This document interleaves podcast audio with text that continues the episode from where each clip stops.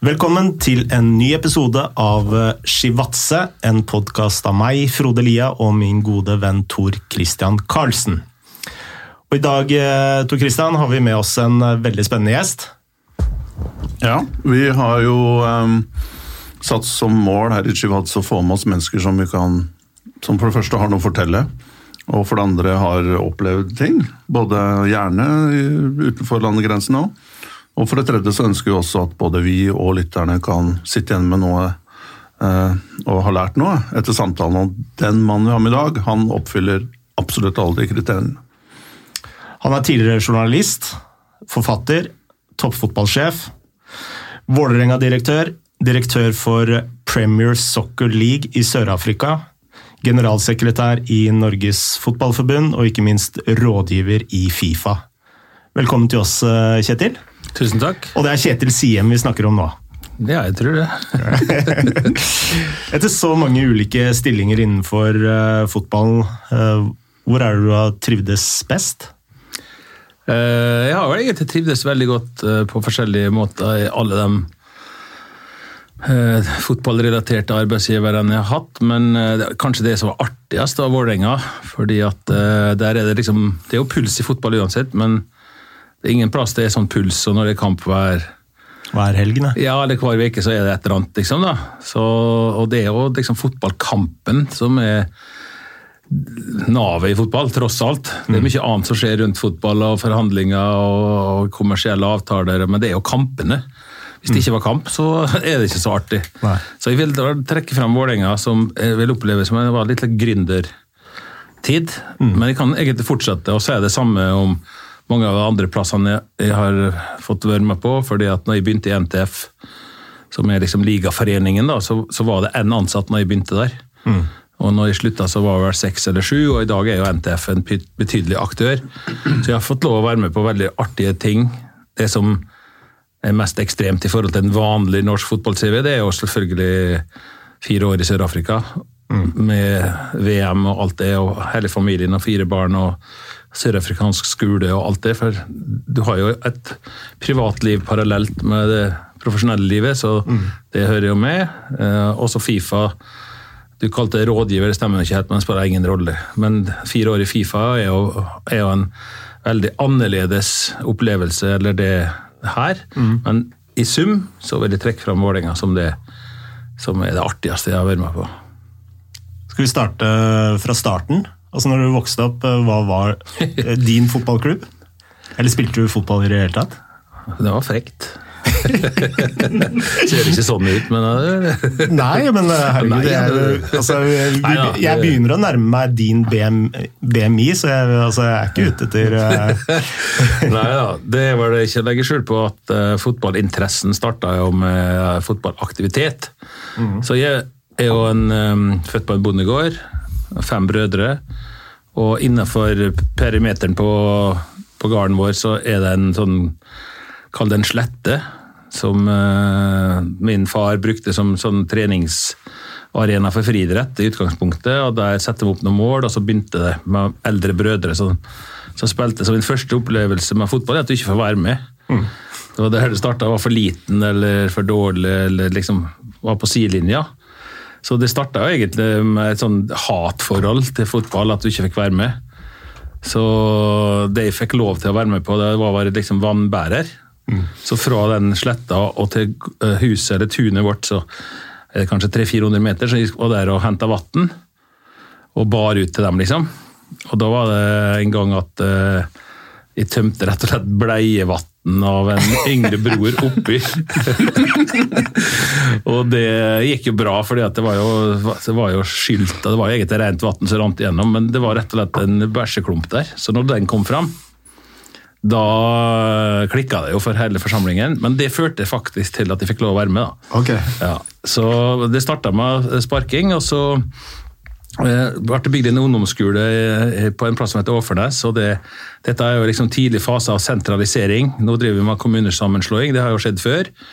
Og da eh, når vi i tre, fire, fem, seks barneskoler ble flytta inn i en ungdomsskole, barne- og ungdomsskolesystem, så ble det plutselig veldig mange. Mm. Og da hadde vi lyst til å være med i vanlig serie, og vi har bare drevet og spilt mot hverandre på sånne sletter, eller løkker som det, det kaller det her da.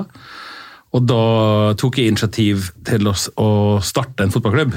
Så, så jeg ble liksom formann og gründer av en fotballklubb i, i 76, da, i en alder av 15 år. Hva het den klubben? Den heter Langfjorden, og bare for et par år siden så vant den Norway Cup, så den eksisterer jo og er veldig god på jentefotball. Veldig sterk lokal aktør på jentefotball.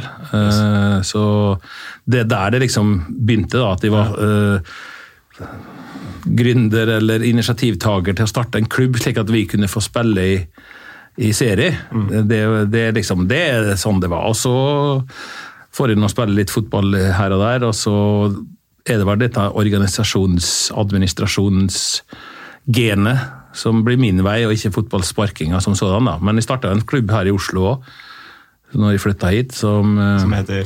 Ja, da bodde de på Ormøya. Vet ikke om du vet hva Ormøya er? Ja, jeg vet, jeg er der og bader hver sommer, jeg. Ja, ja. Da vet du hva Ormøya er hen. og Da gikk med litt av de samme folka som utdanna seg i Oslo. Jeg kom hit pga. Eh, militæret. Og så hadde vi lyst til å spille her, og så hadde vi ikke lyst til å melde oss inn i en klubb, men hadde lyst til å bare starte for å ha det gøy. Mm. Og Da var det ti divisjoner i Oslo. Jeg vet ikke hvor mange det er i Oslo nå. men... Nå er det vel ni? Ja, mm. så vi starta i tiende. og da gikk vi til um, kretsen og ville starte, men da måtte, det var en regel da, så at du måtte liksom ha vært medlem av NIF, NFF.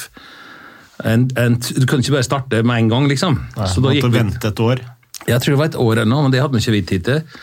Så da gikk vi til Ormøya tennisklubb, som var en, en, klubb som eksisterte i systemet. Og så spurte jeg om tillatelse til å, å starte et fotballavdeling i tennisklubben. Og så var det jævlig game, kule folk, så de sa ja. Eh, så lenge det ikke er noe risiko for oss, så vi måtte lage en kontrakt på at alt var holdt utenom dem. på en måte, da, At vi mm. ble separat medlem i fotballkretsen aktig. Mm. Og så Mellom Ormøya og Ulvøya så ligger det et sånt skjær som uh, heter Padda. Mm. Så blir vi Padda ballag. Padda ballag? Ja. og vi hadde rosa drakter og romertall på ryggen, og bare rykka opp hele tida, for vi var jo mye bedre enn tiendedivisjon. Men når du kom opp i sjette og oppi der, så begynte den å bli Tøft? Ja, veldig, faktisk. Ja. Eh, men vi hadde det kjempegøy, og så flytta jo folk, og så ble det jo det nedlagt, men eh, Hvilken posisjon eh, spilte du? Det var stort sett trener og dommer og midtstopper. Grei kombo, da. Så biografien din skal egentlig Altså tittelen på den skal egentlig være fra vannbærer til toppen? ja, det heter Gjelland stadion, den plassen der. Så, så jeg har jo på en måte sagt, eller holdt foredrag som heter fra, fra Gjelland stadion til Soccer City, var det da. Mm. For jeg var eh, så heldig å få lov å være ansvarlig for åpninga av Soccer City, som var liksom stadion som ble brukt til åpning av finale i VM. Ja, for det var åpningskampen, ikke sant? Ja, er, åpningskampen var, var liksom den offisielle åpninga, da. Og det er jo ikke, eh, det er jo ikke VM-åpningskampen, eh, så den blir jo åpna Altså De stadionene som blir bygd i Sør-Afrika, blir jo åpna i løpet av siste seks måneder inntil VM. Mm. Og Soccer City er den siste som blir åpna offisielt, og den kampen der var jeg ansvarlig for åpninga og seremonien og liksom det rundt åpninga, fordi at eh, vi la en cupfinale som en del av åpninga. Okay. Ja, så det var liksom 88 000 og offisiell åpning og hele kostebinderiet og Fifa og alt. Så det det var jo selvfølgelig Så det var liksom det, Da lagde jeg et foredrag som heter 'Fra Gjelland stadion til Soccer City'. Som skulle illustrere den reisa. der. på en måte. Ja. Mm. Og så var din inngang inn i journalistikken? For du begynte jo ganske eh, tidlig ja. Nei, altså, jeg er jo utdanna dramapedagog. Pedagog. Dramapedagog? Ja. ja. Og jeg er teaterinstruktør på utdanning liksom, fra Høgskolen her i Oslo. Og uh, dramaturgi, som er liksom min greie, da, det handler jo egentlig bare om kommunikasjon. Og i fotball så er det veldig mye dramaturgi, og jeg mener det er altfor lite fokus på dramaturgien. da. Skal jeg bare ta et eksempel som det kanskje ikke er med på i det hele tatt. Men i dramaturgisammenheng så det mest dramatiske i fotball, det er jo scoring. Det er jo det som vi er der for, det er jo det som er underholdninga, det er jo dramaturgien. Og da er det veldig få som har et forhold til fotballnettet. At kan fotballnettet ha noe med skåringa og, og, opplevelsen av en skåring å gjøre? Og det har det. Og skal prøve å forklare det da innenfor dramaturgiens terminologi. Hvis du tenker deg en, en kamp Norge-Serbia på Ullevål, og så vinner Norge 1-0 i, i det 89. minutt, kommer skåringa. Dersom det ikke var nett Det var bare liksom aluminiumen, og så gikk ballen igjennom, men den bare forsvant bakover. så er det en helt annen opplevelse av den skåringa, eller at den liksom går i nettet, og det er gjerne spruta litt vann. og at Det er liksom, det er, det er dramaturgi knytta til opplevelsen av scoring. da. Så det, når vi var små, så var det veldig viktig med å få opp en not. Vi hang på sånn, for at du skulle liksom, Greit at ballen forsvant langt bak, hvis ikke, men det var liksom det å få den i nettet. da. Og så er det dessverre sånn at uh, i en del fotballklubber uh, i Norge så bruker de sånne mål som du kan legge ned, og så er det sånn lavtmål. Så det er en sånn tjukk rør som ligger bak der. Ja. Og så har det stramt nett. Og så når du scorer, så går ballen bare, jitt, liksom bare Han er død før han har liksom fått opplevelsen. Og hvis den treffer den stanga, så kan den sprette langt ut igjen. Så dong, dong. Og så øh, var det scoring, liksom. Ja. Du får liksom ikke den Og det er det veldig få som tenker på. Og når du skal ta opp dette her og diskutere sånne ting, så det er veldig mange som Hva i helsike er det å om, liksom? Eh, Men sånne ting er jeg opptatt av innen fotballen. da, Opplevelsen og kommunikasjonen og, og det Nå husker jeg ikke hva du spurte. Jeg spurte spur- om. spurte om eh, din vei inn i journalistikken. Oh, ja, sånn, ja.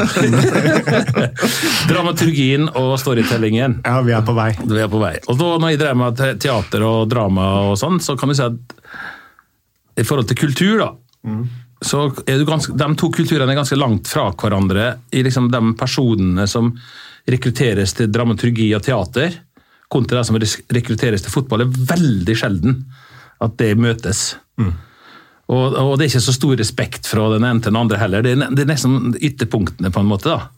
Du ser nesten, altså Teaterfolket ser kanskje litt ned på fotballfolket aktig. Det er ikke intellektuelt nok eller akademisk nok. eller Du skjønner hva jeg mener nå. sant? Og så var jeg på, når jeg studerte, så kjørte jeg buss i Oslo så, som, som ekstrajobb. Så når det var et eller annet som skulle skje i denne her teaterdramaturgisammenhengen, så var det jo veldig lite lønnsomt å leie en buss når jeg kunne kjøre.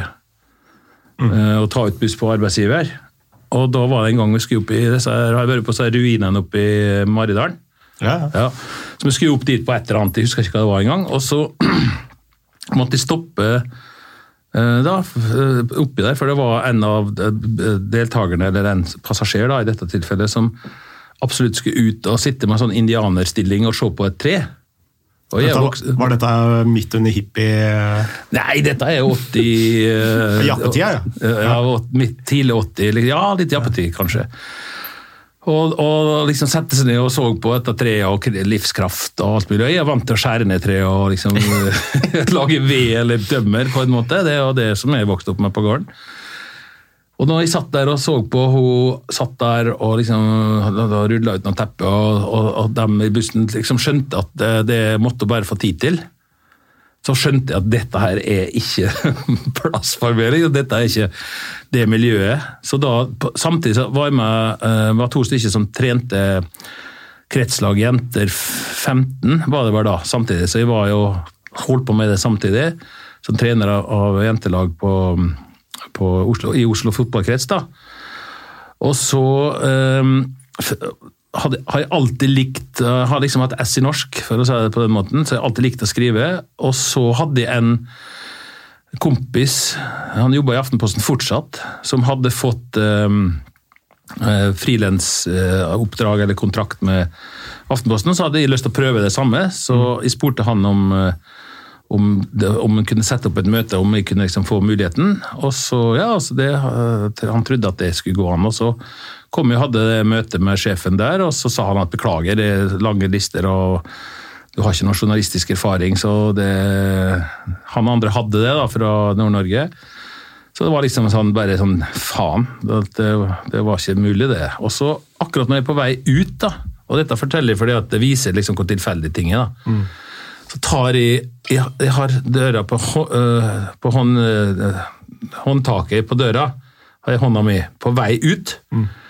Når en som heter Stein Erik Kirkebøen, han, han jobber i Aftenposten fortsatt, han òg, så sa han 'Hvem er du?' sa han bare. Og så sa jeg hvem vi var, og så ja, hva gjør du her? Og var bare sånn positiv, hyggelig. Og så prata vi litt, og så, og så sa han, og jeg fortalte det, så sa han nei, det er ikke så lett, det er veldig mange som har lyst til å jobbe her, og, og sånn, men bedre lykke neste gang, aktig. Og så Før vi fikk sagt ha det, så ringer telefonen hans. Og så er det en som heter Arild Sandven som Nei, det var ikke Arild, det var en annen som heter Håkon Delin, men det spiller ikke noen rolle. Men han var sjuk. Mm. Og, og, og det, han har blitt akutt matforgifta, så han, han, skulle på jobb og kunne ikke på jobb. Og så var det en, Den tida så var det Aftenposten morgennummer og aftennummer. Og han skulle dekke en kamp på aftennummeret, så han skulle liksom på vei til å dra. Og så husker jeg Stein Erik bare holder liksom hånda over røra, og så, så spør han meg liksom Uh, kunne du liksom gjort noe nå, liksom? Så sa ja, og så, så, sa han tar du bilder? Og så sa ja, jeg har fotoutdanning. Jeg sa liksom, Det var ikke noe mer et par kurs, da, men jeg, jeg kan jo ta bilde. Og så, så sier han uh, så sier han til Håkon ja, greit, liksom. Og så, så til meg ok, da må du bare dra. Og så var det oppe på Bekkelaget, og det var en lokalkamp. Bekkelaget, jeg tror det var mot Oppsal. Og så var det siste kampen til han um, Espen Nei, pappaen til Lasse Olsen, hva han hette? Var det Espen? Eh, Leif. Var det Leif Olsen? Ja, Leif var det, var det ja. Mm. Leif Olsen, han, Hans siste kamp. Tenk at jeg kan det. Ja, det er meget imponerende. Men han, han var da Kall det gammel, da. Uh, og, og, var sikkert rundt 40, eller kanskje over 40, jeg vet ikke. Det er ikke gammelt, Kjetil. Nei, men for en fotballspiller så er det jo ganske gammelt. Så han skulle ha sin siste kamp, og så skulle lage litt på det. Og sønnen hans er jo Lasse, som da spilte på Ålesund og sånn etterpå. sant? Ja. Og så var han kanskje 15, eller noe sånt, og så debuterte han i den kampen. Han, da slapp han innpå, så spilte far og sønn. Mm. Og så klarte uh, vi å få at jeg fikk liksom bilde av at det skjedde, og så bilde etterpå av far og sønn. Og så ble jo det en jævlig kul journalistisk sak, selvfølgelig. Riktig. Og intervju og bla, bla, bla. Og så leverte det, og så ble det liksom hovedoppslaget i aftennummeret. da. Wow.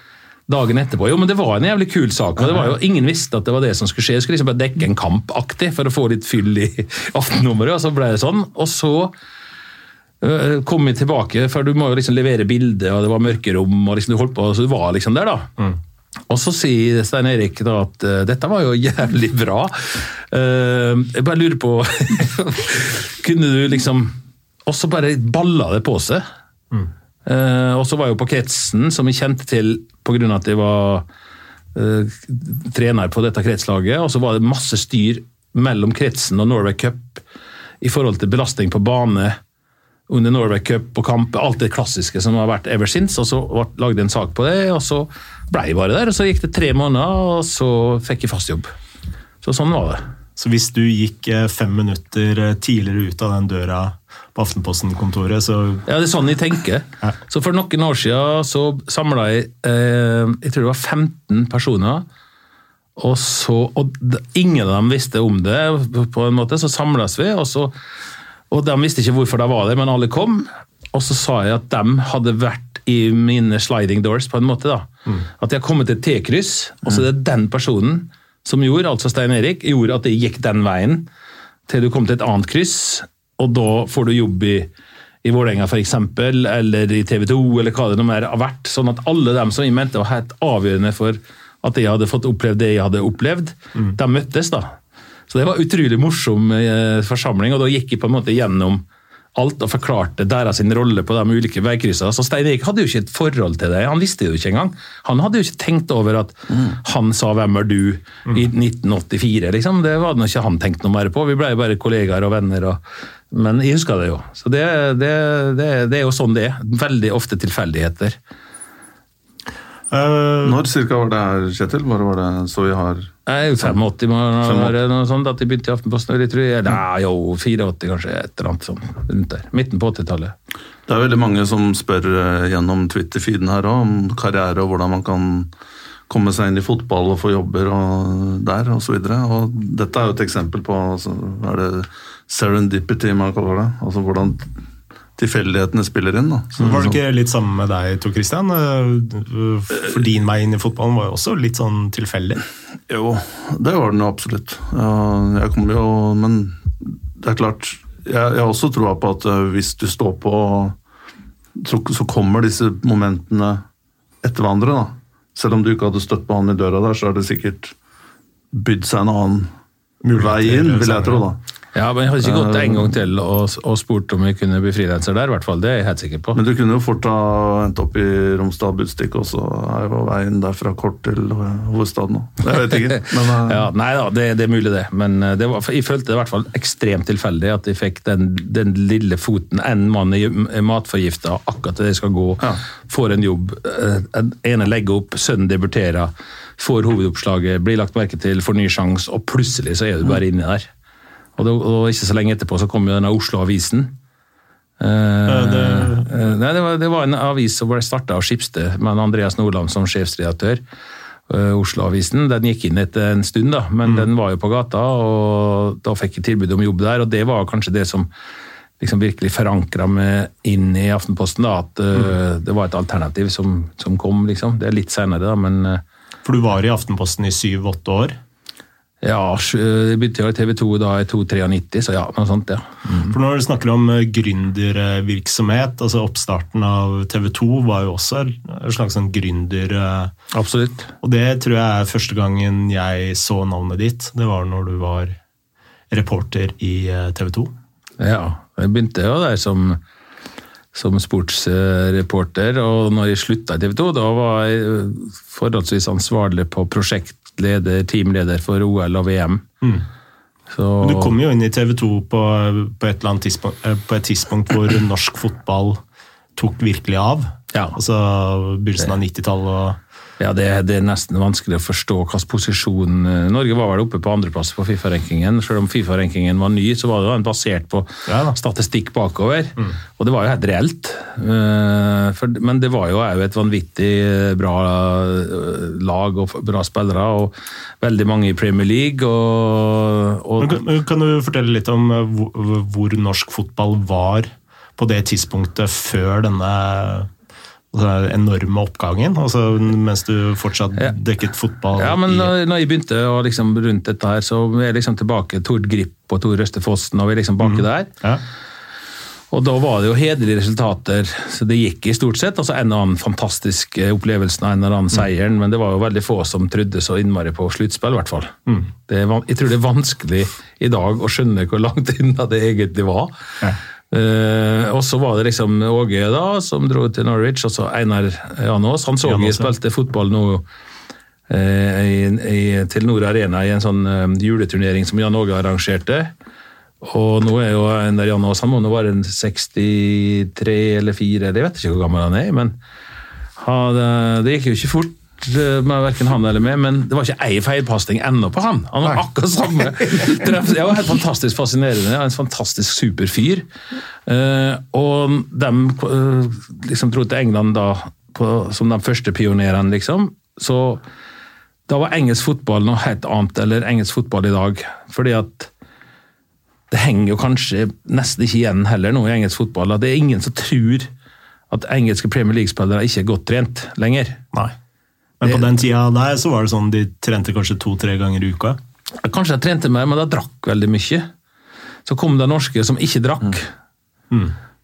og hadde en helt annen innstilling til det. og og da var no- no- norske spillere veldig heldige i den forstand at eh, engelskmenn var stor interesse og alt dette her, men det, det var ikke så trent som det er. I dag er det helt aldeles avsindig til nivået på engelsk fotball, ikke sant? og fysikken. ikke sant? Nå kan du bli litt sånn skuffa. Hvorfor kan ikke norske spillere være like godt trent som engelske, føler du. De springer mer, liksom, du får den følelsen. Det er nesten ikke feilpasninger.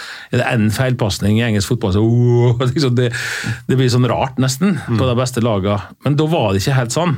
Og jeg var nå masse i England da. Jeg skrev en bok som heter Proff i England. For rundt det med klubber, og Når du ser forskjellen på engelsk fotball da, òg i profesjonaliteten i klubbene og i dag, så det er en enorm forskjell. da.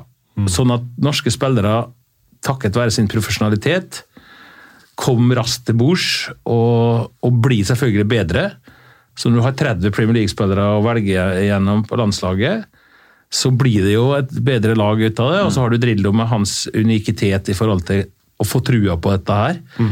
Da trodde jo at det kunne gå på vann, og det gjorde det jo òg. For samme kan du møttes, så hadde han en teori om at dette her var jo overkommelige saker. Ja. Og det husker jeg De kom tilbake til landslaget og de møtte Tyskland, og alle tyskere Og så forklarer han at nei, ja, det er overkommelig, og så går det an å få det til. Så det var veldig mye med trua på, på, dette. her, Så det var jo en veldig unik periode å være med i dette her og inn til VM i, i USA i 94. Det var jo helt uforståelig, egentlig, hvor bra det var. Åssen var det å være reporter når alle disse, i England når alle disse norske spillerne kom inn over deg? Altså, du nevner den der drikkekulturen. Var det sånn du kunne plassere deg på en pub, og så plutselig kom alle disse Premier League-spillerne inn? Nei, nei, det var ikke slik, men det er jo enkelte plasser som spillerne går på. Ja.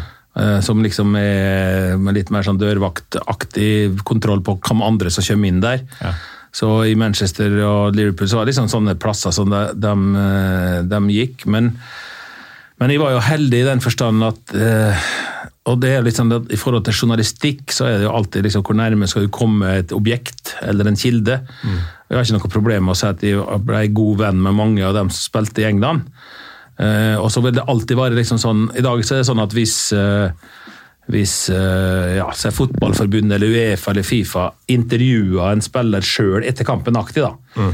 At, uh, at uh, det liksom Så blir det veldig kritikk fra journalisthold fordi at det er ikke fri og uavhengig journalistikk, men det er jo ikke der du bedriver det. Det er jo stort sett bare var artig å skåre. Liksom. Det, det, det, er jo ikke så mye annet rett etter kampen. Mm. Sånn at Jeg er jo veldig avslappa til akkurat det i forhold til det, men det er jo vanskelig. og Det var jo et par ganger at at det skar seg mellom meg og spillere fordi at jeg utdrev uh, journalistikk. Du drev yrket ditt? Ja, jeg drev det. Men så er det jo ganger at du kommer i situasjoner der du venter med ting, eller altså Det blir jo litt sånn når du blir veldig uh, nær kildene. Men det førte òg til at den trusten som jeg hadde da mellom dem og meg sjøl, gjorde at de åpna dører for meg. Sånn at uh, hvis de ville treffe Rio Ferdinand eller en annen, så fikk jeg det. liksom, fordi at de, Det er liksom sånn i fotballen, dette vet jo du. Du kan stole på han der, eller du kan snakke med han. så så liksom, det, Treffer Martin Dahlin første gangen, så er jeg sammen med en av de norske, så begynner ikke han å lure på noe. Nei. Så da er det jo bare meg, og så drar vi på kino. og så Om du er journalist eller ikke, det er ikke han så nøye på da. liksom. Så det, det har, veldig med, har veldig mye å takke dem for, for gjennom det så ble jeg veldig kjent med liksom systemet. da. Mm. Og Så får du telefonnummeret til manageren, og så kan du ringe han eller sende en melding og spille han nå. eller det, liksom, det er sånn, og så sier han ja eller nei. eller liksom sånn, Så får, du, får aksess gjennom at du bygger tillit. da. Mm. Og, og de gutta hadde aldri åpna de dørene hvis de visste at det ble noe drit etterpå. Uh, så det er en sånn balanse. Dette er jo sånn det funker. Kan jeg spørre, altså, Du har jo sikkert møtt eh, veldig mange av de der gode, gamle managerne borte i England. Ja. Er det noen spesielle som uh, imponerte deg på en eller annen måte? Jeg syns de var imponert av alle. jeg synes det var... Det var, du blir jo litt sånn starstruck. Erlend Erland Johnsen har en sånn historie. han spilte jo i Chelsea, og så var det han um, oh, um, Nei Glenn Hoddle eller Chris Waddle, Glenn Hoddle, Glenn var, Hoddle. Ja, var manager, liksom. Og så The Spoonbender. Hæ? The Spoonbender. Ja, det, det var The Spoonbender. og så skulle jeg liksom ha intervju med han, da, mente jeg. Mm. Og så gikk jeg bare inn på kontoret hans, liksom. da. Det Var litt varm i trøya. Og så kom raskt ut igjen, kan du si. Og så Han jagde meg liksom på dør, da. Og jeg var liksom what the fuck. Og, liksom sånn, og så hadde han gått til Erlend og lurt på hvem i helvete var den white socken som kom der, liksom. og, så, og så fikk jeg intervju etterpå, da, for han hadde liksom sagt nei, han det er bare en kompis og ikke noe problem. og liksom sånn, Så fikk jeg intervjuet, da. Så, men den som eh, imponerte Den som jeg kanskje syns var mest folkelig, det var han eh, Liverpool-manageren, kan hete igjen? Roy Even, Evans, Evans det det? Roy Evans, ja. Han syntes det var veldig bra. Også han som um, oh, um, Han var i Newcastle. Oh, det er så vanskelig å huske, vet du. Ikke Kevin Keegan? Nei. Nei da, du vet veldig godt kan man lurer på om det var i Celtic, og han står helt stille. Uh, men stort sett så er det, det er veldig ålreite folk. Uh, også, men når du bytter side, da, når du kommer på fotballsida, mm. Da er jo alle dørene åpne. Og da er det jo da er liksom ikke noen ting som stopper. Da er det liksom, og da er jo alle bare helt ultranormale, ordentlige, hyggelige folk i utgangspunktet. Samme hva slags image det har fått i media, så er jo Ja, På hvilken måte da, tenker du på? Nei, da er det liksom bare, det er bare folk. Det er, alt handler jo om det. Det er det, det jeg sier hele tida, at eh, det, alt handler om relasjoner. Og kommunikasjon mellom mennesker, og gjennom det så kan du overtale en spiller. Altså Steffen hadde jo aldri kommet til Vålerenga hvis det ikke var for at det var en god kommunikasjon mellom meg og Steffen, og en god dialog og en tillit og, og en forklaring på hva som venta. Liksom. Det er jo sånn det henger sammen. Så, men han hadde ikke gått eh, padda ballag hvis det var der jeg jobba heller. Nei. Så det henger jo sammen med hvor du er. Men den kombinasjonen er jo helt avgjørende. Og at en trener og en- en ledelse liksom, at de tror på det du forteller, det, er- sånn er det. Og da opplever du når du kommer på fotballsida at eh, alt blir liksom ufarlig, på en måte. Du, det blir liksom åpne, åpne dører. Jeg husker jo første gang jeg så Ola Bernhus som Dagblad-sportsmann, og jeg, mens jeg var liksom, håpte å bli frilanser, så var jeg liksom Å, fy faen, det er Ola Bernhus, liksom. For det var Han er i Aftenposten nå, ikke sant? ja, han skriver i Aftenposten nå. Han, han har jo vært sjefen min nå, så jeg har jo jobba sammen med Ola. Og han er jo selvfølgelig en helt vanlig mann, han òg. Men det er sånn det ofte er. at vi liksom, Før du blir kjent med folk, så tenker du bare at uh, det er nesten ikke folk, Nei. på en måte, men alle er det. Enten du heter det eller det, eller jobber i Fifa eller Uefa, eller uh, spiller ikke noen rolle. Det er, det er folk, alt. Men øh, øh, du var litt inne på det uh, tidligere. Altså, etter et par år i TV, 2 så starta du jo på et nytt gründerprosjekt i Vålinga. To spørsmål. Det var litt mer enn to år i TV 2. Vi var i fem år. tror jeg. Sa jeg to år? Et par år, tror jeg du sa. Ja, ja ok. Jeg kan bare spole tilbake. uh, men uh, to spørsmål. Hva var liksom inngangen inn til Vålerenga, og hvordan havna du på en Det- måte der? Ja. Og når du havna der, hvor viktig var de årene i England? For du henta jo inn Steffen Iversen og Ronny Johnsen og Lars Bohin og Nei, det, det er det igjen tilfeldighetene som på en måte rår, da. Men uh, For det virker som du har vært veldig god på nettverksbygging. ja, i den graden kan liksom si at den er god til noe. Så iallfall kjenner jeg jo en del folk, og, og på en måte er glad i kommunikasjonen mellom men den analoge dialogen er jeg veldig opptatt av. da. Eh, sånn at uh, når jeg hadde, jeg hadde bodd to år i, i, i London da, og pendla fordi at jeg starta noe som heter Norske sportsprofiler, kalte vi det. Og så slo vi oss sammen med et selskap i England som heter Icons. Og når du ser tilbake på det, det var 8-99 liksom, så, så var jo det ekstremt langt framme. For det var jo det som i dag er blogg. da. Vi starta jo bloggene. Og det vi gjorde, det var at vi lagde avtale med Premier League-spillere som de norske hjalp til på å åpne døra. Og så, så på en måte drifta vi hjemmesidene deres, da, som er jo blogg. offisielle offisielle hjemmesidene. Men det var ikke alle som hadde lyst til å skrive det sjøl, så da ansatte vi en journalist fra lokalaviser, Altså f.eks. I, i Liverpool. da. Så henta jeg en fra Liverpool Echo, som er liksom lokalavisa i Liverpool. Så fordi at det er Liverpool Echo, og ikke en London-avis, men en lokalavis, så er han allerede veldig mye nærmere. Så han var liksom innafor gaten allerede, han. Rick, som han heter da. Så jeg spurte da Vegard Heggem, hvem er det av lokaljournalister som du tror liksom kan tenke seg å, å være med på dette her, og som du kan stole på? Så sa han nei, det er Rick, liksom da. Så snakka jeg med han, og så snakka jeg med klubben, og så sa jeg at hva vi holdt på med. Uh, og, og Liverpool hadde ikke noe problemer med det. Så det er helt fint, det, det kan de få. Og kan få lov å drive det kommersielt på sida og gjøre ingenting. Og så sa jeg men han han må få lov å være inne på alle treninger, så må han få sitte i kantina. sånn at de kan komme bort etterpå og så få oppdatert hjemmesida si. Så ja, det var greit. Og det ble modellen, som hadde ganske mange journalister rundt omkring i, i engelske klubber.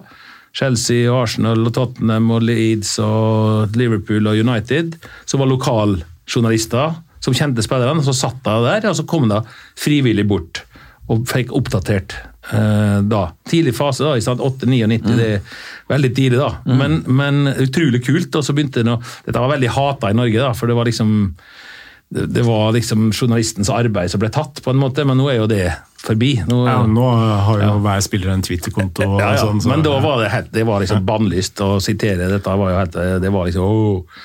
Men det spiller ingen rolle. Men poenget er at, eh, at en del spillere, type um, Robbie Fowler f.eks., mm. han sa nei, jeg vil oppdatere sjøl. Så han satt hjemme og skrev og liksom la inn og så, og så ble det bilde, og så skulle det bli video, og så var podkast eller lyd. altså mm. Alt dette her. Og så merga vi med dette her, um, eller slo oss sammen med et engelsk selskap. Og dem, så Hvis du googler eller skriver icons.com, så ser du dem i dag. Men dem var mye mer sånn retta mot uh, merchandise. Og det var uh, tidligere de, markedsdirektør i Tottenham og Menu, var det vel, og Spice Girls, den gjengen. Og de var veldig gira på å selge signerte drakter og sko og sånne type ting. Mens jeg var veldig content-driven. Uh, og så ble Irene, kona mi, uh, gravid, og så, så sa jeg vet du hva jeg, jeg, Det kan fortsette, og så trekker jeg meg og, og, og drar hjem igjen, liksom. Mm. Og så ble vi bare enige om det, og så fortsetter den sin vei, da. Mm.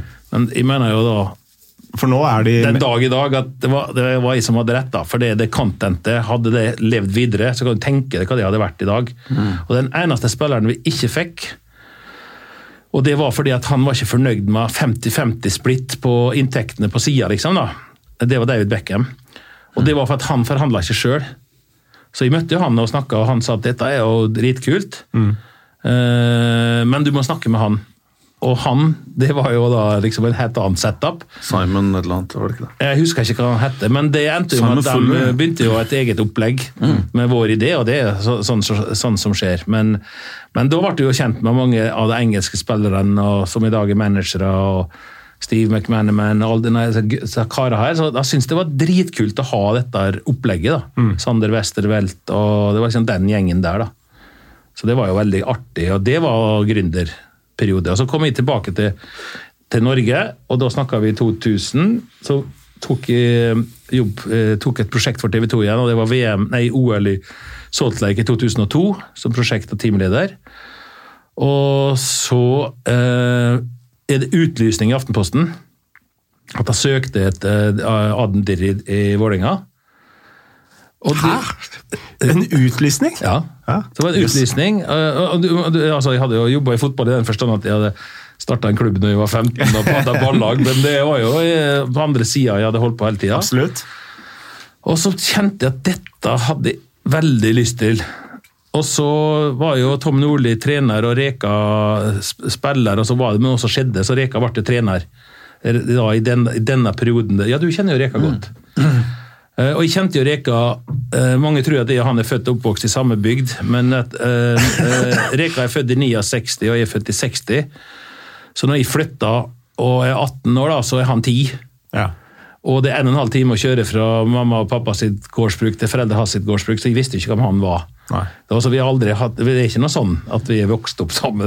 Nei, for sånn. Kronologien oppi mitt hode var at det var du som het Rekdal, men det var Nei. altså ikke. Nei. Nei, og ikke han som het meg heller. du, er, du, er, fra nordsiden av fjorden og Rekdal fra sørsiden? Ja. Ikke sant? Men sånn du kjører rundt, eller så må du til Molle og over med ferga, ja, og så kjøre. Da. Så det, det, det, er langt. altså han bor nesten, Det er én meter fra huset til Reka til Sunnmøre. Så, ja. Så man bare kalle den sunnmøring. Og hvis man kan litt om dialekter, sånn, så hører man at det er litt, litt forskjell? Ja, ja. Det er det seg slår, og det er seg slær. Ja, blant annet. Ja, men det illustrerer det veldig godt. Men i hvert fall, da. Så bare søkte jeg. Det var et sånn headhunter-selskap. Så, så, eh, og du sier ikke i heller? Jeg sier ja. Sier du i? Ja, ja. sier du i òg? Nei, ikke her i sør for Nei, jeg sier ja. På Åndalsnes. Ja, Åndalsnes, ja. Riktig. Mm. Uh, ja, så, så, leverte jeg en søknad, eller ringte til han headhunteren. Og det, det var liksom første gang jeg har søkt en jobb, da. Mm. Og så møtte jeg han, veldig hyggelig fyr, og så sa han ja, spennende bakgrunn og sånn, men uh, du må møte Jon og Tor Olav, da. Mm. Og så møtte jeg deg, og så Jon sa ikke så mye da i det møtet, og Tor Olav og liksom fram og tilbake, og så um, Så spurte han har du snakka med Reka, liksom. Så sa jeg nei. Eh, jeg kjenner hun, ja, jeg kjenner hun jo. Ja, må, du må snakke med han og liksom sånn. Jo, men ikke å snakke med han om hvis det ikke for på, dette tidspunktet så var fortsatt Tom Nordli ansatt, ikke sant? Nei, Nei. Da, da, hadde det blitt bytta, da. Ja, ok. Ja. Så nå snakka vi eh, tidlig høst 2001. Ja, ok. Ja. Mm. Og så uh, ringte jeg til Reka, og liksom eh, da sa Nei, det gjorde jeg ikke. Fordi at um, Jeg sa til Tor Olav at ja, men det er ikke noe vits å ringe til han hvis det ikke Nei, men samtidig må jo De må jo kunne jobbe sammen, liksom. Ja, men det må jo nesten du spørre om. Ja, og det var flirten litt. Og så øh, hadde jeg nytt møte, og nytt møte, og så sa jeg uh, til Olav at jeg jeg har veldig lyst til å, å ha det inn i Vålerenga, og Reka er positiv, men jeg er usikker på om du kan være administrerende, liksom. Du har jo ikke noe den type erfaring, men jeg har veldig lyst til å bruke det inn på sport og det kommersielle og liksom sånn. Kunne du tenke deg å gå i par med en, en til? Sånn at uh, jeg da det unike sport og kommersiell direktør. Det tror jeg ikke mange som har, har hatt den kombinasjonen. da. Og Derfor så var det bare, står det bare direktør liksom, for meg. Uh, For i begynnelsen i Vålerenga så var jeg ikke adden. Uh, Så gikk det ett år, så slutta han som var adden. Og da hadde jo jeg fått være med i ett år og liksom sett og sånn, Så jeg bestemte meg faktisk for å slutte i Vålerenga da, for jeg følte at dette går ikke rett vei. Nei. Og så eh, Etter hvor lang tid? Etter hvor lang tid? Eh, ja, det er et lite år, sånn cirka. Og så ringte jeg til Reka og sa at du, nå er jeg på vei ned på brygga, som vi kalte det, det var nedpå der, for å, å si at jeg, at jeg vil ikke mer. Eh, Altså ned til Jon og Tor. ja, bare orientere meg at uh, dette funka ikke for meg i den posisjonen og sånn, men så uh, var han som var ad- admdir da, samtidig som jeg var direktør, han var i ferd med å bli rådmann, tror jeg det var, i, nede på Østfoldkanten. Og da sa Tor Olav, eh, for å gjøre en lang, litt lengre historie veldig kort, så sa han nå har du sjansen. Vil du liksom prøve? Så sa jeg ja. Og så Så ble du ad- adm... da ble jeg Adm ja. Og Ja. da snakka vi liksom det første det, som er positivt med Vålerenga-historien, det er at vi vinner jo cupfinalen den høsten. Høsten 2001, etter målet Ja. av Levernes. Helt riktig. Og en fantastisk redning av Boltoff helt på slutten det med stanga der. Ja. Som han eh, Kan hete han Hangle Slåpen på Odd, han eh, mørke igjen. Morten eh, Og han som var så god I bestandig. Fevang? Ja. Ja, Fevang, ja. Ja. Og så, men så får jo vi Europacup, da, dette er jo før alle mulige nye formater. så og, så, og da trekker vi jo øh, så kvalifiserer vi for Europacupen. Det er jo dette som er feil med norsk fotball i forhold til ter- terminliste. Du kvalifiserer i november-desember. November var det da, og så skal du spille eh, august året etterpå. da. Du har to overgangsvinduer, så laget kan egentlig være borte. da. Ja. Så jeg har hele tida ment at den norske cupfinalen bør være i mai-juni. Sånn at du kvaler for Europacupen, som begynner rett etterpå. Men det er en helt annen diskusjon. Men, men så øh, Skal vi se to, Tar vi 2001? Ja, så 2002. Da holder du på å rykke ned. Eh, Og da kommer den berømmelige berømmelige Tidenes kamp. Tidenes kamp, ja. Vålerenga-Sandefjord. Ja, ja, nå, ja, så, bare for at det, det er en morsom Vålerenga-Sandefjord, men før vi kommer dit, fordi at før vi trakk Newcastle, så hadde vi slått ut uh, en polsk lag og et østerriksk lag, hvis jeg ikke husker helt feil. Sånn at det er etter, cup, etter den kvaliken at vi trekker, um, trekker Newcastle. Ja. Og da han uh, Udnes, som var daglig leder i Sandefjord da, da hadde vi vunnet 5-3 i denne kampen der. Og så kommer denne eh, eh, Newcastle, og så sender han en hyggelig SMS. Han skriver bare 'gratulerer med trekninga', skriver han til meg. Fordi at han visste jo at det betyr masse- publikum på Ullevål og TV-penger, og det er jo en positiv ting, liksom. Riktig. Og så skulle jeg liksom erten da, øh, tilbake, fordi at Men det, glemmer vi et poeng, fordi at når vi vant inne i Valhall, så var det mange som mente at vi var heldige med et par dommeravgjørelser som han, øh, Jonny Ditlevsen dømte. som noen mener at den ene annulleringa var feil og sånn. Det var ikke lett for han, for han hadde ryggen til, og det var nesten verre å la målet bli godkjent. Men det blir jo litt sånn øye som ser og, og sånn. Men i hvert fall så så svarte jeg til han da at uh, vi slår dem nok 5-3 liksom, om Newcastle. da, og For å minne på det resultatet, liksom. Og så kommer det tilbake fra så skal Ditlevsen dømme? så det illustrerer jo liksom den gode stemninga som er mellom konkurrenter liksom, når det, når det er sånn. da. Men den der eh, Sandefjord-kampen la jo på en måte grunnlaget for liksom den nye Kan ikke kalle det kulturen heller, men liksom Ny giv. Ny giv er kanskje liksom, i startblokka på nytt, da, for da var det jo liksom konkursspøkelser, alt det som du har hørt tusen ganger før. og så Ja.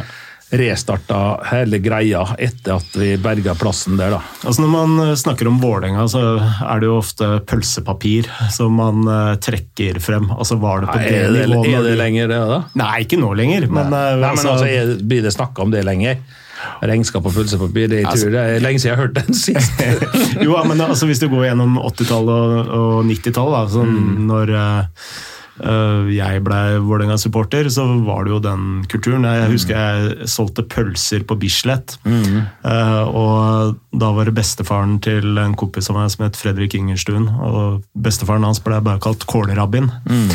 Eh, og han hadde da ansvar for eh, kiosksalg og sånn rundt eh, og da fikk vi innføring i Vålerenga-økonomi. Det var en tier i lomma og tier oppi taska. Ja, Eh,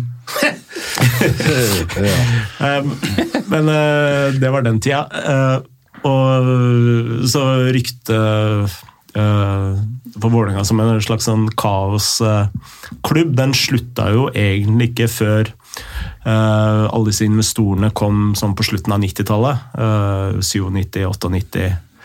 Eh, for det var jo, selv i 95 og 96 så var det jo mye økonomisk rot i Ja. Vålerenga. Ja da, jeg skjønner selvfølgelig hva du mener. Og, og Men eh, spørsmålet er altså, hvor dårlig stilt var det når du kom inn i Vålerenga? nei, det, det er jo veldig lett å sitte her og oppsummere det med, med viten om at eh, vi hadde sølv og gull og vant cupen og leverte pluss i regnskapene. Så kan du liksom lene tilbake og, og sånn. Men igjen så er det jo veldig mye tilfeldigheter som gjør at, eh, at ting går som det går. Og for å ta den analysen av Vålerenga. Det aller viktigste i, fra Vålerenga-suksessen, det er at sport og administrasjon og økonomi kommersielt jobber sammen. Det er liksom nummer én. Hvis ikke det gjør det, og det, det er dessverre fortsatt veldig mange som ikke skjønner hvor viktig det samspillet er, da. Hvordan konkret eh, skjer det, på en måte? Samarbeidet, eller Ja, samarbeidet. Ja, Nei, det, så- det kan være noe så enkelt som at um, f.eks. hvis de som administrerende sitter og forhandler med Hafslund, da, Mm. som eh, hadde gjennom Oslo Energi-avtalen med Vålerenga Mm. eh, betalt to-tre millioner i året aktig, og så eh, og så eh, sitter vi og forhandler om ny avtale. Mm. Og da er det jo sånn for en kommersiell aktør som Hafslund er, så skal jo de ha noe tilbake, på en måte. Og da er det mange måter å, å argumentere på, men tilbake da så gjorde Vålerenga noe som eh, de som var der rett før meg hadde eh, vært veldig flinke til, og det var at eh, Vålerenga var den eneste drakta som var rein. Hadde bare Hafslund. Det var ingenting i kragen og ingenting på skuldra. og og liksom det som ikke er så fint på norske drakter, da, da, da blir litt for mye logoer. liksom Sånn som håndballflatene er på et VM. og sånn. Det, Ja. det er seks logoer, og, og hockeyflatene og, og sånn. Du kan si mye rart om Fifa og, og Sepp Blatter, men det er jo helt rent. sant? Og, og jeg, jeg tror sånne ting er ekstremt viktig da, i kommunikasjonen. Rent og ordentlig. Og da er ett argument til Hafslund det at du får være alene i synligheten. Mange som mener at det er ikke så viktig for en sponsor med synlighet, men det er det.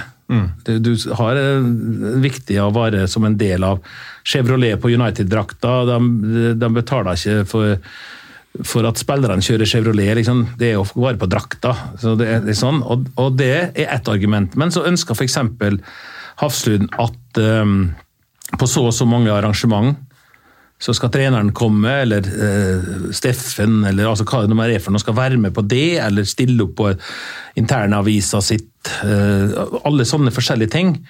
Og hvis det er null forståelse, som det veldig ofte er, da, at sport sier nei, nei, nei, jeg har ikke tida, og nå, nå, er det, nå er det restitusjon, og nå er det ditt og datt. og så, Nei, vi flytter ikke noen trening liksom, for en time fordi at Men hvis du har en forståelse for dette, og at de skjønner og Reka skjønte dette ekstremt godt. Eh, Du har jo jobba med han, så det har du helt sikkert opplevd. At han skjønte at han må være med på å justere sånne ting. For at det er inntektene, og det er dette som er den største misforståelsen i fotballen. Det at folk lever i en sånn villfarelse at det, skal ikke være kommersielt. Det skal være en eller annen slags dugnad eller et eller annet frivillighetsgreier uten inntekter, men de inntektene som kommer, får nå bare komme-aktig. Men det er jo en av de råeste kommersielle industriene som eksisterer, er jo fotball. Og da er det viktig å bevare fotballen mm. i 2 ganger 45 100 Ingen innflytelse, ikke noen sånn vanningspauser, ikke uh, arenareklame på uh, arenaen, men rundt. Ikke klasje til draktene. Alt dette her er veldig, veldig viktig å beskytte, men resten det, er det, jo, det er jo det som er de største verdiene i all kommersialitet. Hva tror du som gjør at rettighetene på idrett og live idrett går sånn opp? Dette er jo kommersielt, og det er jo det som Dette er kunsten i fotball. Det er å klare å skjønne og knekke disse kodene.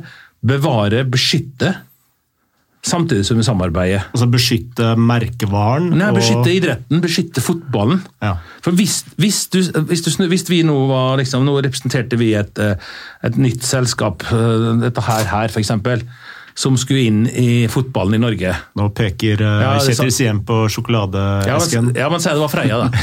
Så skulle Freia, men Uten å, å prøve å henge ut noen, men et eller annet kommersielt selskap skal inn i fotballen. Og vi er det som skal forvalte det, så nå setter vi oss ned med fotballen, og vi har 100 millioner å rutte med. Mm. Og så sier vi til fotballen og vi, hva vi er interessert i, jo, det er å selge mer av dette her, ikke noe annet. Det er mm. det vi skal ha. Og så spør vi liksom fotballen kan vi kan, eh, Så sier fotballen ja, hva vil dere ha? Nei, vi har lyst at i stedet for vannflaske, så skal de spise dette her på benken. Alle skal sitte og spise dette her. liksom da. Det trenger ikke være dette her, kan være noe annet. Ja. Så sier de ja. Og så ser vi at ja, altså dommeren da, må liksom da ja, når han skal stå og se på VAR, og så skal han spise Da skal han spise sånn? Ja, ja. ok. Ja. Vi hadde jo aldri sagt nei til det.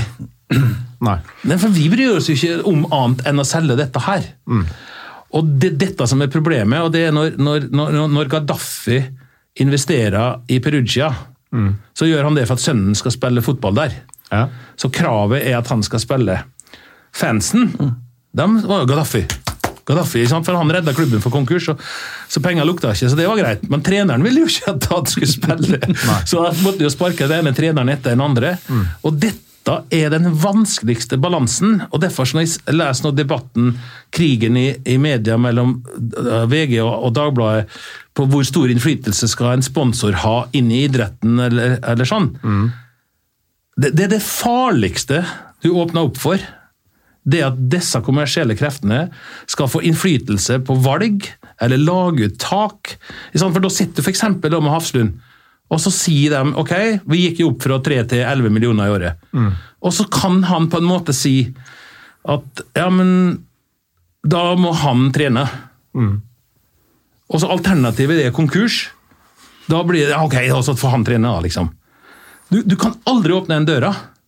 For hvis du gjør det, for det vil alltid være en sponsorsjef som har interesse av å være med på ting. Ja. Altså, du, og det kan hende han er flinkere til laguttak eller andre, på en måte, men dette her er de viktigste linjene i fotballen. Den balansegangen mellom Ja, Aldeles av, totalt avgjørende.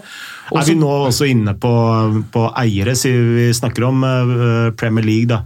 Uh, Abu Dhabi inn i Manchester City, P uh, Qatar inn i PSG osv. Ja. Ja, dette, nå, nå, er vi liksom inne i kjernen. Du har jo jobba med dette, mm. du vet akkurat åssen det er. Jeg blir veldig forundra hvis du sier at du aldri er utsatt for noe press. Mm. Men, men det, det, er litt annerledes når du eier klubben. Mm. Det, det, må vi jo liksom innrømme. Også, men det som, det som, er Og nå er vi i kjernen av på, på en måte ting du har sagt og ment. Mm. Og fordi at Skal jeg gi deg et eksempel. Qatar er liksom det mest uh, hårreisende som kan omtales i, i norsk fotballopinion. sant? Det, det, går ikke. Uten at vi har med i debatten plusser og minuser, så er det negativt. Mm. Det er greit. Mm. Men så eh, er en norsk klubb på vei til Qatar på en treningsleir, eller sånn som nei, Bayern München eller Manchester United eller andre kan gjøre. Det kan ikke en norsk klubb gjøre, fordi at fansen sier nei. Igjen greit. Så da avlyser. Og så dagen etterpå så vil da City eller Paris Saint-Germain kjøpe en spiller for den klubben.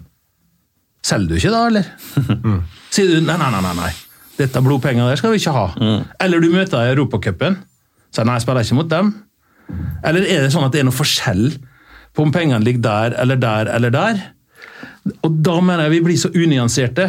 For selvfølgelig hadde alle norske klubber spilt mot City hvis de møtte eller solgte en spiller. Mm. Og er det noe for seg? Det er akkurat det samme. For de driver akkurat det samme, og grunnen til at de eier de klubbene, er jo akkurat samme grunnen. Men spør du dem som er Jeg kjenner han som har vært utenlandssjefen i, i, i, City, som nå var generalsekretær i australske forbundet, mm. og jobber med det. Hvis du spør dem i den bydelen i City, hva har denne klubben ført til av byutvikling i Manchester, så finner du ikke ett menneske som er negativ. Så at det jobber 1000 personer der. Mm. Så det, det, er veldig litt å glemme liksom, balansen. Den største aluminiums, aluminiumsfabrikken i verden ligger i Qatar, eid av, av norske staten 50 liksom, Er det greit? Men det er ikke greit å, å dra på treningsleir. Det, det, er så mange nyanser, det er så lett å glemme oppi dette her. Og jeg er ikke der at jeg syns at kinesiske, thailandske, indiske, Midtøsten, amerikanske eiere er lykken for fotball. På, på, ingen måte. Og det er masse utfordringer knytta til, til, til, akkurat disse tingene her. og Derfor er regulativet så viktig. Og derfor er Financial Fair Play så viktig, som Platini starta. Men det er veldig vanskelig når en eier, når du eier noe, eh, hva er det som er lov til å, å liksom gi i, i, støtte? Og jeg mener at det, det, er veldig utfordrende akkurat sånn som det er nå. Fordi at det er så ekstreme penger inne i mm. bildet, og forskjellen blir så vanvittig stor. Hvis du ser bare på hva, hva Premier League får fra norsk, svensk og dansk TV-rettigheter, mm. knytta hva dansk norsk og svensk fotball får i sine egne land, da, mm. så skjønner du at det forsvinner mye penger ut av det som kunne ha vært ja. her til lands, på en måte. Altså, det er veldig vanskelige ting som er i fotball nå. Veldig interessante dynamikker, men, men det, er ikke noe, det er ikke noe svart-hvitt på, på, dette. her. Altså. Absolutt ikke noe svart-hvitt, men eh, det jeg tenker altså Når du sier dette blir ofte diskutert i opinionen mm. Det jeg tenker er altfor lite diskutert, det er jo motivene til si Abu Dhabi, Qatar. Uh, for, altså man kaller det gjerne sportsvasking, da. Mm. Um, men uh, motivene er jo at uh, folk i Manchester og England skal si dette her er jo herlige folk fra herlige nasjoner som, som gjør alt dette gode for Manchester. Og det tenker jeg er ofte altfor lite diskutert. Du skulle si noe. Ja, jeg har bare lyst til å gå tilbake til starten av resonnementet til Kjetil, for det er jo superinteressant den tanken om forene liksom, Se det helhetlige i driften av fotballklubb, og som dere lykkes med der i Vålerenga, uten noen som helst tvil. Uh, og så tok vi det skrittet videre med på tredjeparts uh, innflytelse osv. Mm. Uh, og jeg, jeg, tror ikke eiere liksom, i det store og det hele Jeg, føler at en, jeg har jobba for en selv, som, mm. som, var privat eier og hadde veldig mye penger. men i hvert fall i det tilfellet der, og lignende eh, folk som jeg snakka med i fotballen, så er det liksom aldri sånn at man får telefonen fra Abu Dhabi eller Moskva eller eh, andre steder at han skal spille og han skal spille. Men uh, så direkte på sport så føler jeg at Ikke alltid, hvis du tar Cardiff, da. Ja, det var akkurat den jeg skulle til. Ja, så har du et eksempel på motsatt. Skifta farge på drakt ja. pga. thailandsk overtro og, ja. og, masse sånne greier som Og Det var akkurat det jeg skulle fram til. Ja. Og der har du horroreksempler på det.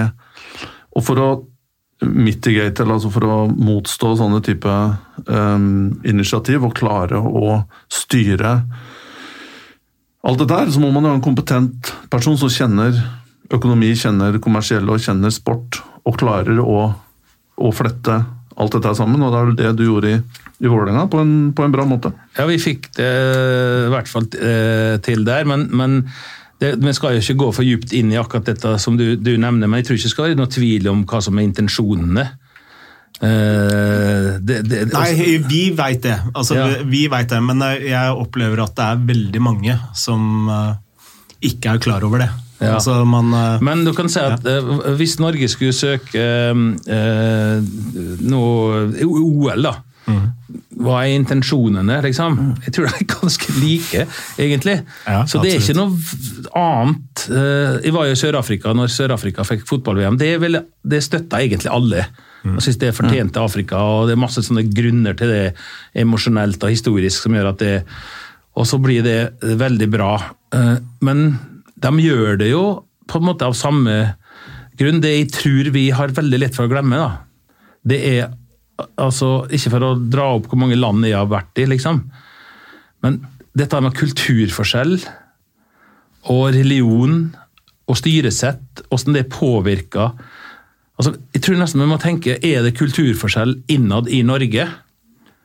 Og da vil alle konkludere veldig fort at det er stor forskjell på folk i, i, i Norge kulturelt sett.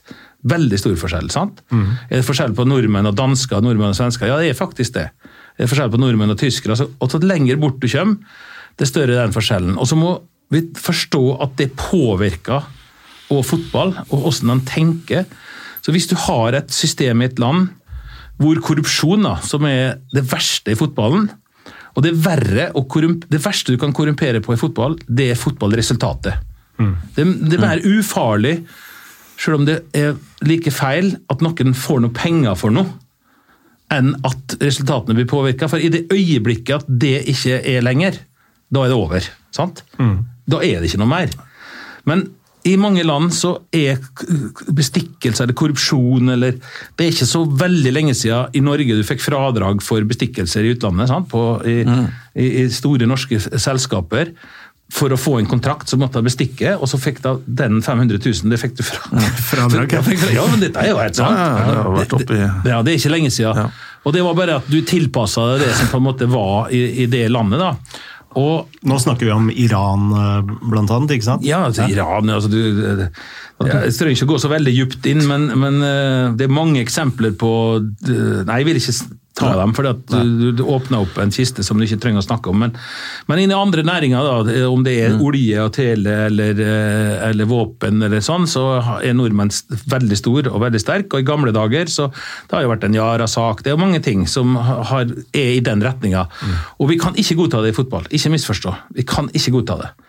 Men vi må kanskje forstå at fra, fra svart til hvitt så er det noe grått. Mm. At vi må liksom jobbe med og ikke hogge hånda av alltid. For det er lett for oss som har hatt rettigheter og jobba i et demokratisk samfunn og utvikla det over 150 år, å forvente at det skal være ti år etterpå i et nytt demokrati. Mm. Det, det, der det er litt vanskelig, men vi må være absolutt på å beskytte fotballen, og der er vi. Det er det som er så viktig, at vi passer på at fotballen er beskytta. Og det betyr f.eks. det som er veldig vanlig i internasjonal fotball i eh, eh, land som her nevnt, da, eller i Afrika som vi eh, kjenner deler av, det er at sportsministeren, da, kulturministeren i Norge, da mm.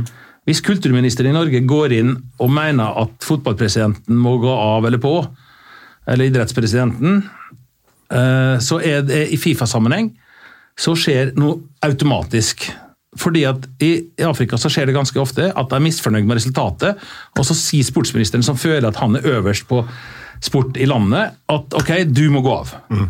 Og så setter jeg inn en ny sport, eh, fotballpresident. Da blir du automatisk suspendert av Fifa. Det skjer i det samme momentet. Mm. Og så sier da ofte de lederne at ja, nei, det er vi som bestemmer det. Og så svarer Fifa ja, mulig det, men da får du ikke delta i noen kamper. Mm. Og da går det alltid tilbake. Det kommer alltid tilbake, For da skjønner jeg at det Fifa-regulativet går over the governmental constitution. Da, ikke sant? Det hjelper ikke hva du har slags lovverk i det landet. For skal du være med, ja, men det er greit, du kan godt sette inn noen andre, men da blir du ikke med. Mm. Og Da kommer det alltid tilbake. Og den makta fotballen har her, har vist seg gang på gang. Og da begynner det å bli interessant å diskutere Qatar og Iran og jenter i fotballen og, og, jenter på tribunen og alt det, disse tingene der. Da, da ser du. Mm. For det er det som gjør at jentene nå får lov å komme inn på stadion i Iran. Det var at de fikk beskjed om at det siste VM-et du får delta i, er 2018. Hvis du ikke slipper deg inn. Mm. Og så sa jeg men det står jo i Grunnloven. Mulig det, sa Fifa. Men skal du være med i neste kvalik, så må du inn. Da åpner de. Mm. Og det viser jo at fotball, altså Hvis vi klarer å tenke sånn, da, og se hva som har skjedd i Qatar positivt i alt det negative, mm. så kan det hende at det er elementer der som vi skal dvele litt ved før vi liksom hogger hånda av alt. Det er det eneste jeg har lyst til å, mm. å si i liksom det globale perspektivet og det geopolitiske. For det, det, er en absurd makt fotballen har i svært mange land. Så hvis det blir gjort og brukt riktig, så kan du være med å endre uh, veldig mange samfunn positivt i forhold til de verdiene som vi står for. Og Fifa har de verdiene i sin grunnlov. Mm. Var det noen av de elementene her som altså Du var jo med på Sør, uh, i Sør-Afrika. Opp uh, hele veien til VM. Mm. og kjenner landet fra før VM, og kjenner det sikkert etterpå. Mm. Er det hva vil du peke på positive effekter som har kommet ut av VM fra, fra det landet? Eh, jeg tror eh, stolthet er liksom det viktigste ordet. Sjølfølelse. At vi greide det, på en måte. Det var så mange som mente at dette kommer aldri til å gå. Og så er jo sørafrikanere Hvem begynte med pay-TV i verden? Det var jo sørafrikanerne. Så de er jo veldig ledende på industrier som vi ikke vet. Den største konkurrenten til Finn Eh, i verden er jo et sørafrikansk selskap. Vips eh, starta jo i Somalia. Ja, men liksom, det, det, er jo ting som er litt uh, nyansert. Ja. sånn at For sørafrikanerne etter apartheid og dette her, og i den perioden VM gikk, så var jo, da var jo alle sammen. Og aldri så mhm. lite kriminalitet som under VM. liksom. Så man, I ettertid så er det stoltheten. og Det står jo stadioner som ikke blir brukt. Og, og, det er flere som kunne fått strøm og vann istedenfor. Og du får jo alltid disse her at det, var slapp, det ble jo mye CO2-utslipp. og du får jo, Det er ikke noe vanskelig å skrive noe negativt. Men etterpå så er det at liksom, vi greide det. Stoltheten knytta til at du arrangerte det største mesterskapet. Det er liksom den som står. Og når de tapte for Tyskland i 2006, som vi nå vet skjedde på rare vis mm. fra tyskerne, så, så er liksom, det ikke så farlig at tyskerne gjorde det. Men hvorfor er det mer greit? Eller at Qatar eller Russland eller Sør-Afrika arrangerer Jeg skjønner ikke hvorfor det er det bare fem-seks land i verden som kan arrangere et VM. For, fordi om det er annerledes. Mm. Det, det, det, jeg tror vi må jobbe for at kan, kan, jeg bare spørre en liten ting eh, om mm. Eh, Qatar? fordi altså, de fleste tildelingene har jo vist seg på en eller annen måte, eller veldig mange av dem da, opp gjennom historiene har vist seg uh, vært korrupte. Men jeg tror det som fotballfans har reagert mest på uh, med tanke på Qatar, det er jo mm. behandlingen av fremmedarbeiderne. Uh, tror du Altså, det, det du snakker om at det viktigste for Fifa og fotballen for øvrig, det er liksom å beskytte fotballen.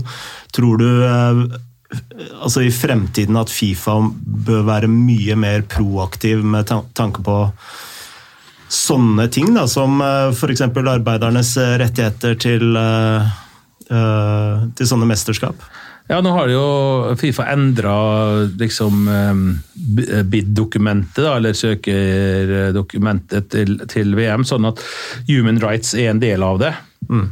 Det er mange som er veldig sånn usikre på hvor lurt det er. Liksom, hvor langt skal du presse? Da, men uavhengig av det, så er det lagt inn. Så, sånn at uh, det er blitt satt på agendaen. Hvis du snakker med folk i Qatar i dag og ser er det noe som har blitt bedre etter at de fikk uh, VM i forhold til eh, arbeiderne, først og fremst. da. Mm. Så Hvis du snakker med Hydro eller Yara, som har vært i Qatar i 50 år, og drevet eid av norske stat delvis, har operert der, og så spør du hvordan var reglene for arbeiderne som bygde fabrikken, mm. så er jo det akkurat sånn. sant? Skjedde ingenting. Ingen sa noe. Du skrev ikke noe om det, du sa ingenting, og jeg sa ingenting. Så kommer fotballen, og så blir det rettferdig eller urettferdig, men nå kommer alle så det har vært sykkel og friidrett, håndball Det er ingen som sa noe. Så kommer fotballen, så kommer flodbølgen. Men det er jo egentlig veldig positivt. Ja. For da blir det satt på agendaen, og så må da noen nøytrale få lov å si er det noe som har blitt bedre her. Det de skjønte, det var at de måtte slippe inn jentene da, inn i fotballen med en gang når de søkte, for den var ufravikelig. så det er allerede skjedd. Så det er jo liksom noe, men Nå snakker vi Qatar igjen, ja, ikke sant? Men ja. om det er nok altså Kongstanken var jo at uh, VM skulle utvides mm. til 48, og så skulle deles med naboene for å se om fotballen kunne bidra til et tøvær i, i regionen. Men det var ikke nok naboer som var villige til å til å, det var jo boikott og det, det, er mye styr i regionen, som, som kjent. Så det, var, det, måtte bare legges bort. da. Mm. Men det var jo noen som ville være med på det. Men det er jo veldig skilt i forhold til religion med sunni og, og Shia. sånn at det er liksom det, det var litt vanskelig å få til det som var ønsket, men etterpå så har de jo spilt mot hverandre i Asiamesterskapet, og sånn, så nå er det jo litt bedre igjen. Sånn at eh, jeg mener ja, Fifa skal ha det på agendaen, men skal ikke glemme at Fifa driver med fotball. Fifa driver og arrangerer fotball, folkens. Du må da tenke, skal Norges Fotballforbund begynne å sette krav til veldig mye annet enn fotball, og hvor mye skal den liksom legge seg opp i, i styresettet av Molde by da, for å arrangere en, en cupkamp der? Altså, det begynner jo å bli spesielt. Sånn at vi har en tendens til å mene at Fifa skal bare være med på alt fordi at det er Fifa, men, og det skal den til en viss grad, men han skal òg ikke glemme at at the end of the day så driver Fifa arrangerer fotball. Mm. Og det er det som industrien Fifa driver med. Det er fotball, det er ikke noe annet. Men pga. omfanget og, og, styrken i fotballen, så har han et samfunnsansvar langt utover bare det å arrangere fotball. Og igjen, da er vi tilbake til den linja. Hva er egentlig ansvaret til fotballen? Og noen ting er veldig lett.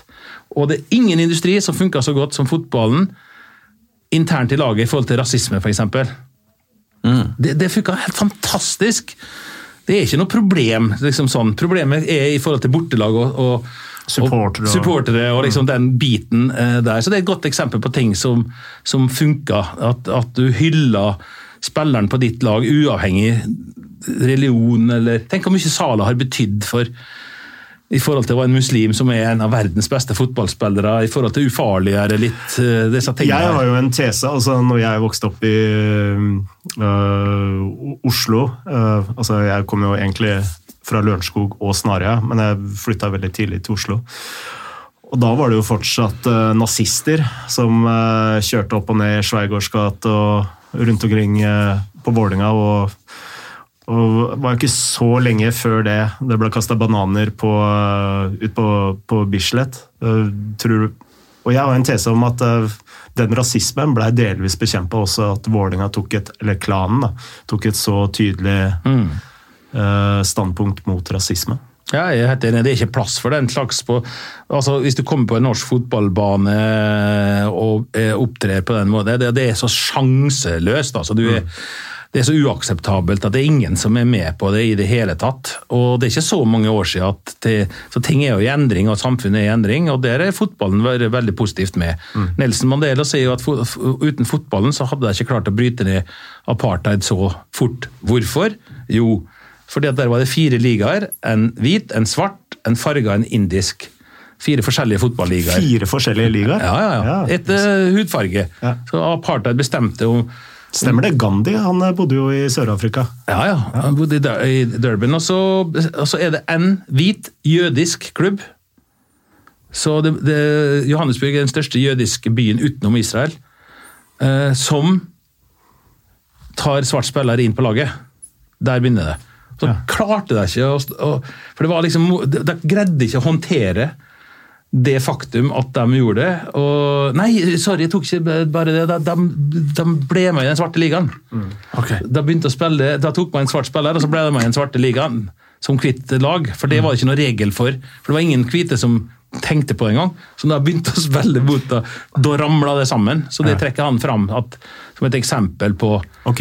Ja, det var første tegnet til Ja, at da var det umulig å ha fire ligaer, liksom. Mm. Og så trekker han fram uh, Norge som pådriver gjennom fire fredspriser til Sør-Afrika, og veldig takknemlig for det. Og, og så trekker han fram eh, norske myndigheters eh, konstante push. Eh, så det er dem. Fotball, fredsprisen og Norge. Det var det han trakk fram. Og Derfor så kom Norge og var med og, og åpna den første VM-stadionet i Sør-Afrika som bar hans navn. Han ba om at Norge skulle komme dit fordi at han ville at Norge skulle få den respekten, den takken, det symbolet. Så Norge åpna per kamp den første stadionet som ble offisielt åpna før VM i Sør-Afrika. Jeg ser du har uh, armbåndene til uh, Fikk jeg med han? Av Nelson Mandela? Personlig. Mm. Ja, det er sterkt. Det er jo gøy, det. Men han sa jeg fikk på en betingelse at jeg fikk aldri lov å ta han av. Så men du var inne på at eh, Fifa skal holde på med fotball. Altså, du var jo generalsekretær i NFF. Nå er det første Fifa-skandalen og politiet Eh, politiet storma hotellet i Genéve. Bordelac i Zürich. Ja. Hvordan opplevde du den skandalen er, der? Og tenker du det har blitt bedre eller verre, eller er det som det alltid har vært? Vanskelig spørsmål. Nei, altså, jeg opplevde jo den, altså, den visste jo på en måte at dette kom. For det var for mange tegn i den retninga det kom. og, og nå har vi ikke så god tid, men uh, han som var uh, generalsekretær i CONCACAF, nordamerikanske forbundet mm. uh, Så står det helt stille. Er det Chuck Blazer? Chuck Blazer, ja. Tjukk Blazer. Blazer. Ja. Han ble jo tatt. For det var jo FBI som egentlig sto bak alt dette her. Ja. ja. Og FBI har jo en avtale med alle myndigheter i hele verden, så da kan det gå inn i alle land omtrent. Mm. Det er helt spesiell posisjon. Og mm. Når han ble tatt, så, eh, så skjønte iallfall jeg at han kom til å åpne Å snakke. ja, å snakke. Uh, og Da er det et tidsspørsmål før eller det, Og det er jo bare positivt mm. at det skjedde. Det, er jo ikke, det finnes jo ikke et negativt aspekt ved at det skjedde. Eh, og så må en se på da det er 80-90 som har blitt tatt arrestert, fengsla. Sør- og Mellom-Amerika aller mest. Mange er suspendert fra Fifa. Eh, men liksom på toppnivå, da. Mm. Og det var jo Blatter og Falk og Platini. Så alle tre ble jo suspendert og banna fra etisk komité i Fifa. Men i forhold til sivil tiltale, ta tiltale, så, så, så, er det ingenting. Altså det, det, det Platini, saken er borte. Det er ikke, det er ikke noe. Uh, Blatter var aldri reist noe tiltale. Og Falk er det no, no, litt nå i forhold til uh, Paris Saint-Germain-styrelederen og et hus som han hadde disponert på uh, Venezia eller hva det var, i en periode. Så det er no, noe, noe, der. Så her har jo fotballen vært strengere enn det sivilrettslige, og handla veldig raskt. Mm. For det tar jo ofte mange år. Sant? Skal du få lov å mm. jobbe eller ikke jobbe? Så, men at dette er positivt, sier seg jo sjøl. At uh, det er helt rett. Hva, men Tenker du det har blitt bedre? For nå har det vært nye arrestasjoner med uh, presidenten Ahmed Ahmad i KAF. Ja han, ja, han er jo ikke arrestert nå, akkurat. Men, men ja, nei, altså uh, Vi trenger mange timer hvis vi skal på en måte gå gjennom disse mekanismene. Og det er superinteressant. Og jeg har sagt mange ganger før at fotballen, like lite som mange andre industrier, mm. kommer til å bli rein. Altså, det er helt umulig. Derfor er det så ekstremt viktig å beskytte det genuine i fotballen aller mest. Mm. Og det, Vi må aldri tillate korrupsjon med dommerne og matchfiksing, og det er det verste. Og så må man jobbe konstant på alt det andre. Og rent blir det aldri. Jeg, satt jo, jeg, var generalsekretær i Fifa Foundation, som er på en måte samfunnsansvaret til Fifa. Mm. Og der sitter eh, Kvesi, en fantastisk bra fyr fra Ghana, som sitter i styret mitt, for å kalle det det. da. Mm. Og han eh, er det jo da en undercover-journalist som legger penger på bordet og spør om jeg kan gjøre sånn og sånn, og han tar penger i plastposen og, og borte blir det. Det er et eller annet her som er fryktelig sensitivt knytta til det med penger, ikke penger, mat på bordet i morgen. Mm. Det, det, det, er vanskelig for oss å forstå. jeg var jo med og tok en dommer i sørafrikansk fotball, ikke toppnivå, men litt lenger ned. Og jeg var så gira på liksom, i det møtet med han, og dette går ikke å slå i bordet og sånn. og så... Så ser du hvor han bor? Nei, altså, nei, så sa han bare Jeg glemmer aldri dette, for jeg sa liksom Gjorde du det, liksom? Ja, innrømte det. Ja, hva gjorde du? Nei, dømte en straffer. Sånn at jeg vant. Så, ja, ja, men det var kanskje straffer òg, sånn. Men det, det, var sikkert ikke det, liksom. Ja, Så du innrømmer det? Ja, innrømmer det. Ja, hva fikk du, da? Jeg har fått 100 dollar, da, liksom. Det er 700-800 kroner, da, på en måte. Mm. Ja, men hvorfor, liksom Og så sa jeg nei, jeg har ikke noen annen jobb, og kona mi er død, og jeg har fire barn, og da har jeg iallfall mat denne uka, liksom. Og da bare Jeg husker jeg bare helt sånn eh, For da var jeg liksom Liksom sånn. Ja. Mm. Og så må Du du skal ikke godta at han gjorde det, det er ikke sånn, men du kan iallfall forstå at du må gjøre noe sånn at han ikke gjør det igjen. Det er et eller annet her som er fryktelig vanskelig, og lett for oss å sitte her mm, mm. og dømme og dømme og dømme. og dømme. Som Jesus uh, sa, den som intet har syndet, kan kaste den første sten. ja. uh, vi begynner å få litt uh, dårlig tid her. Du skal videre i et viktig møte, møte. viktig, viktig møte, Siem. Uh, er det noe du vil spørre om? Ja, vil, hvis, du, hvis, du, har tid, så hadde jeg bare hatt lyst til å høre hva Kjetil tenker om om norsk fotball. Da, altså med, da tenker jeg mer klubbfotball. Ja. Uh, litt TV-rettigheter, uh, som du kan litt om, Frode, og hvordan Ja, fra den tiden du, du opererte i Vålerenga, og, og, jeg husker jo selv det var 25 000, 28 000 på Ullevål, Vålerenga mot Lyn. Det var liksom svenske tilstander her i, i Norge. Ja. Hva, hva, skal til for at vi kommer dit igjen? Nei, altså det er jo ikke noe fasitsvar på dette. her, og Det går, har jo alltid gått i bølgedaler. og, og i den skikkelige peaken sist, det, det, var jo da at Rosenborg hadde vunnet 13 år på rad. Og så kommer Vålerenga og tar da nesten taper mål og får all sympatien, og så vinner vi året etterpå. Og da er det jo helt halleluja i, i, i både Oslo og det liksom mange unnte at det ikke var Rosenborg lenger, på en måte, utenfor Trondheim by i hvert fall. Og så kommer TV 2 med den nye avtalen, mm. uh, og det er mye penger. og det, Da er det en veldig god steam i, i, i norsk fotball. Og så ta, får TV 2 uh, eh, rettighetene på Premier League for ti år siden, og så blir den bygd uh, veldig jevnt og trutt, mens Premier League hadde vært liksom bak betalingsmur, for å si det på den måten, før det. Og så går ting i bølger og sånn, og nå har jo norsk fotball sånn sett vært på en måte mer ned enn opp litt. Men norsk fotball forsvinner jo ikke fra det norske fotballkartet. og så Norsk fotball er jo der. Så jeg er helt sikker på at eh, som alltid før, ting går, går, opp og ned. Så det som antagelig er den største diskusjonen i norsk fotball akkurat nå, det er jo liksom mer sånn antall lag og mm. cup cupen og liksom sånn. og Vi hadde jo en heter Royal League for noen år siden, som alle lo av fordi at det var bare på vinteren og bare tull og tøys. men det var egentlig et fantastisk konsept. Mm. Hvis en hadde tenkt at ok, vi, nå starter vi helt på nytt, da.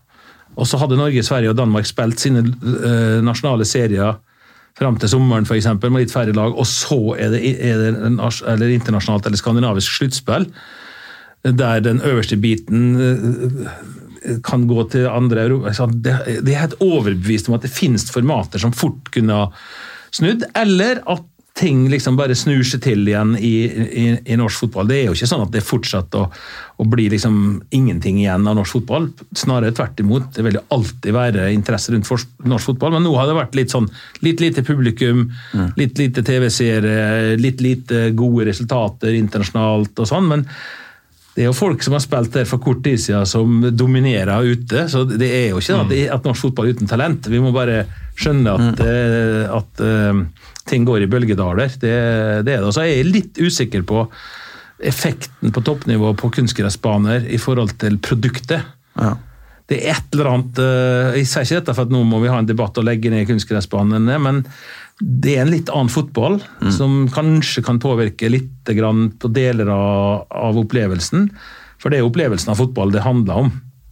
Og jeg er helt sikker på at når sesongen begynner nå, så er vi tilbake, og det er spenning. og ja. Så nei, jeg, klarer ikke å liksom gi opp trua på norsk fotball, nei. Tror du det at eh, TV 2 mista rettighetene for masse, masse penger til eh, Discovery, er et poeng i den diskusjonen der, eller er det noe folk eh, over Dramatisere? Ja, jeg tror det er lett å overdramatisere sånne ting uten at jeg har fasiten på det i det hele tatt. Jeg syns jo at uh, jeg synes både klubbene og Discovery og media, alle behandler jo norsk fotball fint i forhold til produktet og masse oppmerksomhet og sånn, men det er et eller annet med at internasjonal fotball har blitt veldig tilgjengelig mm. på et ekstremt høyt nivå.